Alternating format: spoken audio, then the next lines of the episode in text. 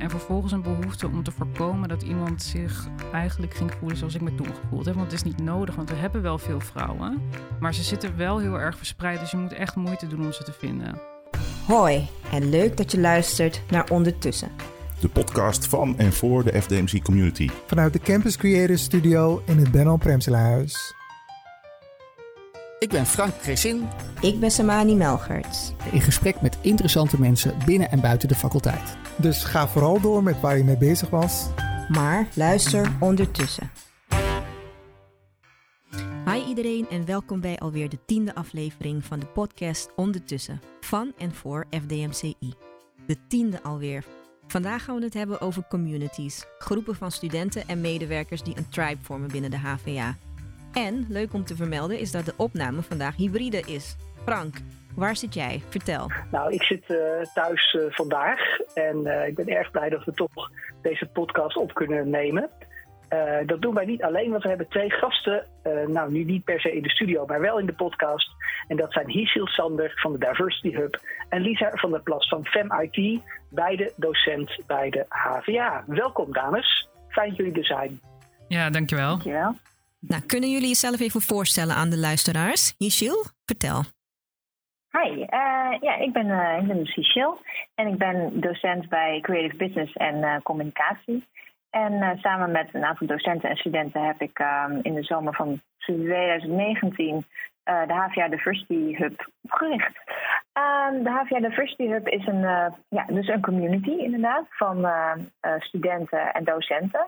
En vooral vanuit de student om met elkaar um, een ruimte te creëren naast de lessen, dus naast het onderwijs, om met elkaar in gesprek te gaan. En dan gaan de gesprekken altijd over um, de zaken tussen twee vuren. Dus hè, je kunt hebben links en rechts. Dan gaat het gesprek juist over hoe doe je dat dan thuis. Daar gaan we zo verder op in, dankjewel. Dan gaan we eerst naar Lisa.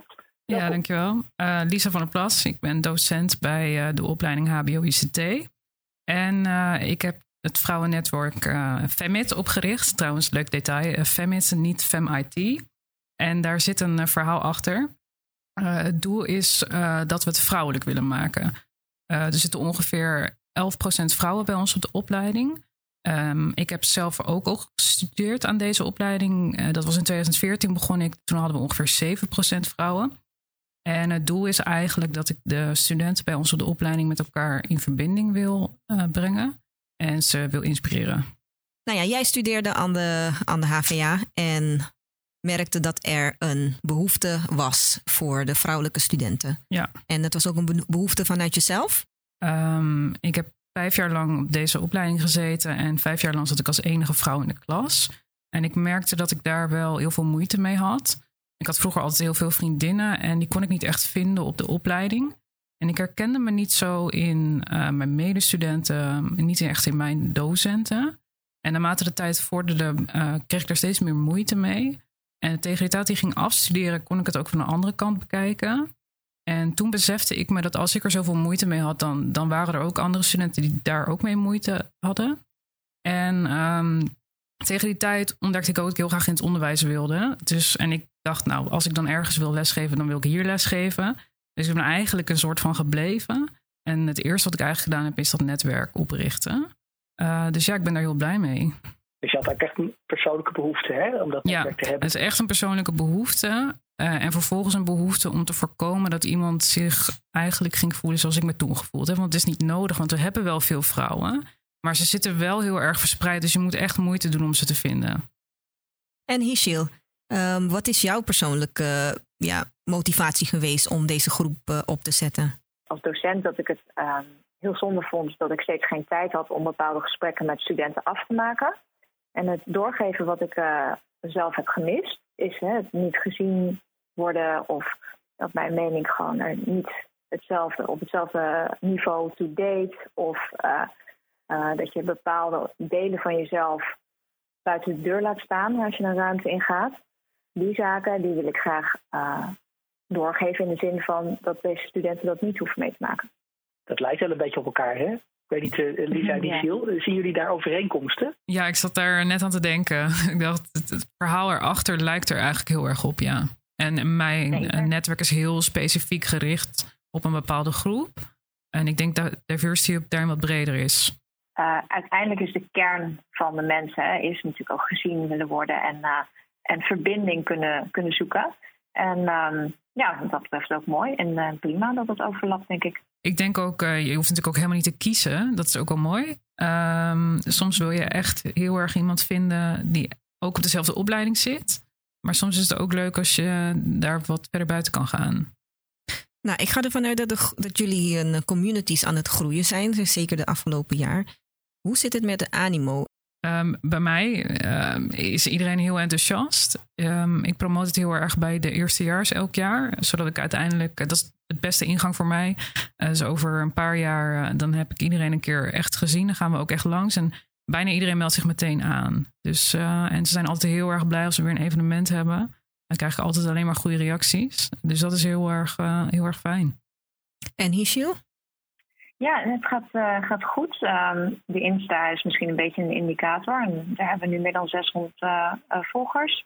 En ehm, ik merk dat er, dat er nog wel veel mensen zijn die het niet kennen. Dus dat is nog wel belangrijk om, dat, om die bekendheid dus te krijgen. Ehm, de reacties zijn over het algemeen heel open en positief en enthousiast.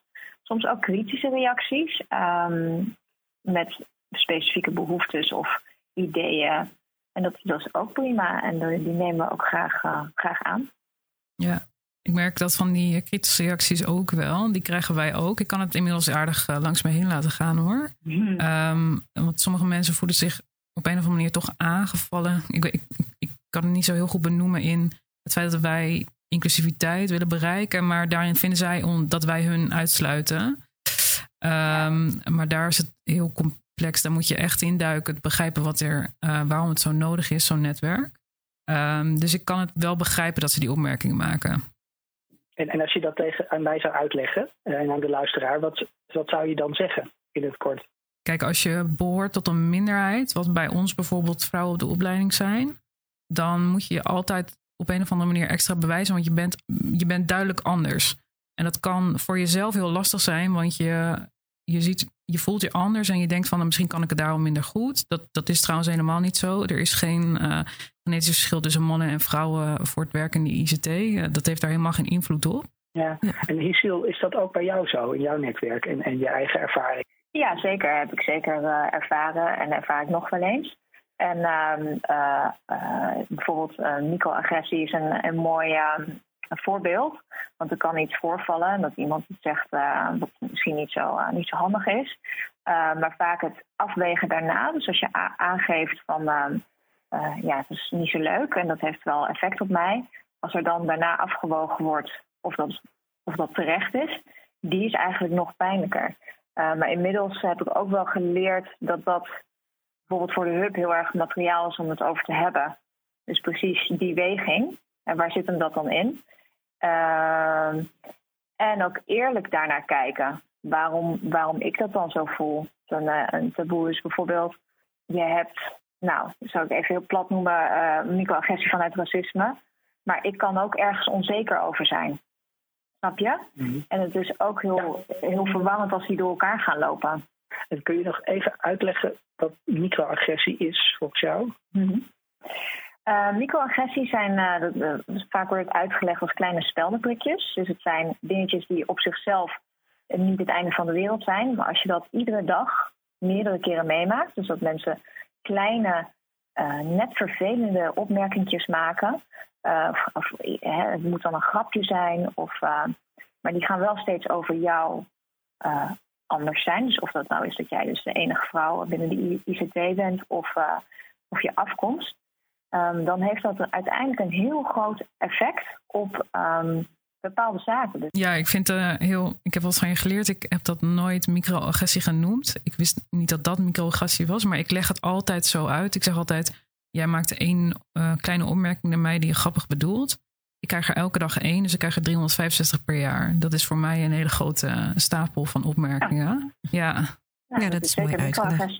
Ja. Hey, en jullie zijn beide docenten hier op de faculteit. Hoe combineer je je werk met de community?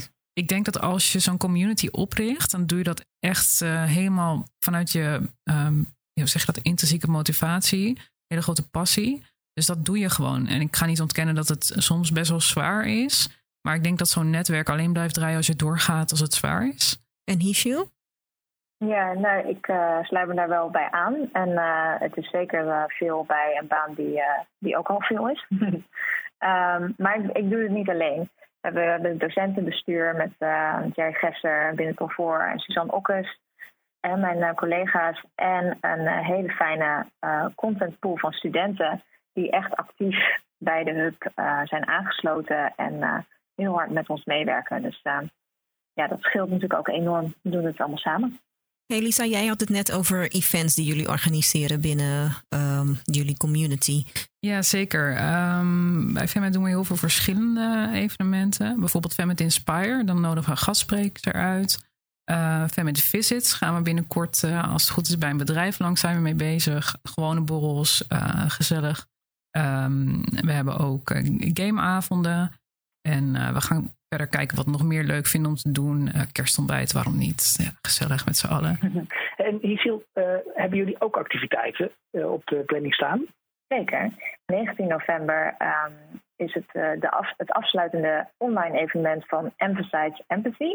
En dat is een evenement dat wij samen met internationalisering um, en de universiteit in Seoul hebben georganiseerd. En daar ben ik zelf ook een, een spreker, een van de vier sprekers, geloof ik. Uh, en dan gaan we het met elkaar hebben over empathie. En vanuit uh, de hub alleen we een, uh, zijn we een evenement aan het plannen over body positivity. We werken meestal met thema's. En dat is hoogstwaarschijnlijk nog klein slag om de arm, 24 november. Hey, binnen de HVA zijn er nog meerdere tribes. Zijn jullie nog lid van andere tribes? Nee, ik ben eigenlijk zelf niet lid van een andere tribe niet dat ik het niet zou willen hoor. Uh, maar ik vind het zo leuk bij Fem Al. dus dan, uh, dan heb ik voorlopig genoeg. Je hebt genoeg te doen, ja. ja. Ik heb gelezen over dat er nog een platform inclusie bestaat binnen de HVA. Wat maakt het platform inclusie anders dan uh, Diversity Hub? Ja, platform inclusie is, is natuurlijk een HVA-breed um, platform, zoals, zoals het woord al zegt. En zij treden ook wel heel verbindend op uh, naar alle uh, initiatieven toe. Um, en ze hebben bijvoorbeeld ook die HV All Inclusive Awards en zo, om, om iedereen boven water ook te krijgen hè, van, uh, van welke dingen er allemaal spelen. en het zit ook wat meer op beleid, zoals met de trainees en dergelijke, dat soort programma's. Mm-hmm. En de hub is echt vanuit de studenten. Um, en dan hebben we de drie pijlers community, um, werkveld en uh, creating, dus maken. Uh, en dat is heel erg gericht op de student, vanuit de student zelf. Um, dus dat is wel het verschil.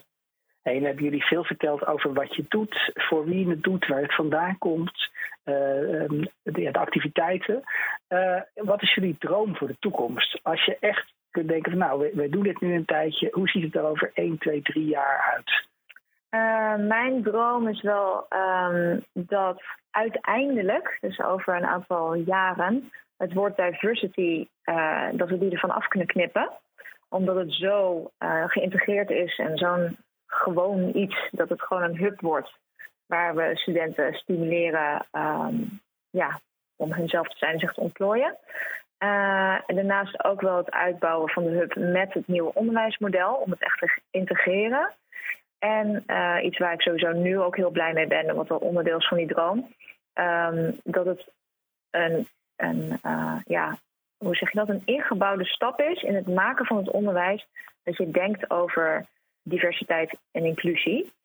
Um, en dat zit nu in het nieuwe onderwijsmodel. Dus uh, ja, dat zijn allemaal stukjes van de grote droom ja, als ik die droom zo hoor, dan denk ik dat is nu natuurlijk bij creative business en communicatie zo. Maar dit zou natuurlijk voor al onze opleidingen heel erg goed zijn. Nou, graag. Ja, zeker. Ja, dat sluit mooi aan op mijn droom, want um, die heeft meerdere kanten. Ja, dan heb ik iets langer dan drie jaar nodig. Maar uh, uiteindelijk zou je natuurlijk willen dat Femit niet meer per se nodig is om de weinige vrouwen bij elkaar te brengen. Maar dat je vrouwen gewoon bij elkaar brengt, omdat dat ook bijzonder is. En wij met elkaar andere verhalen kunnen delen dan uh, met de mannen. Ehm, en de andere kant van de droom is dat we Femit breder trekken uh, naar meer opleidingen bij de HVA, waar, waar je ook een tekort hebt aan vrouwen. Dus minder dan 30 procent, dan spreek je van een minderheid. Dat zou heel tof zijn als we dat wat breder kunnen trekken. Daarom heet het trouwens ook Femit en niet FemIT. want dan kunnen we hem wat breder inzetten en maak het vrouwelijk. Femit is eigenlijk begonnen met een chatgroep, die we trouwens nog steeds hebben. En die is echt misschien het beste wat we hebben kunnen daar gewoon berichtjes met elkaar delen. Soms als het moeilijk is, maar soms ook gewoon wat vragen. En dat durf je dan soms alleen aan iemand die echt heel erg op jou lijkt. Uh, dus je moet ook gewoon met zoiets uh, beginnen. Desnoods alleen een chatgroep. Hang ergens een QR-code, word lid van deze chatgroep. En dan kun je het van daar uitbouwen. Dat, ja. Ja, dat brengt ons op de vraag: waar kunnen mensen jullie vinden, jullie beide netwerken? Ja, voor mij, voor Femit is dat hva.nl slash Femit. Um, wij hebben dus een Instagram, die uh, kun je volgen. Dat is uh, HVA Diversity Hub uh, is de handle. En je kunt ons ook mailen met ideeën, vragen. je zou voorstellen naar um, diversityhub.hva.nl. Nou, dan heb ik nog één uh, idee. Want we hebben ook een HVA faculteitsbrede uh, kalender met evenementen die voor iedereen toegankelijk zijn. En het zou heel mooi zijn als je daar ook je breed toegankelijke evenementen zou publiceren. Zodat er nog meer mensen zou kunnen vinden. Nou, heel graag. Ja, gaan we zeker doen. Hey, daarmee zijn we een beetje aan het einde gekomen van deze, deze podcast over communities, netwerken, uh, tribes, zoals sommige mensen ze noemen. Uh, ik vond het een ontzettend leuk gesprek. Dankjewel Isil, dankjewel Lisa. Ja, dankjewel. Graag gedaan. Dankjewel iedereen en tot de volgende keer.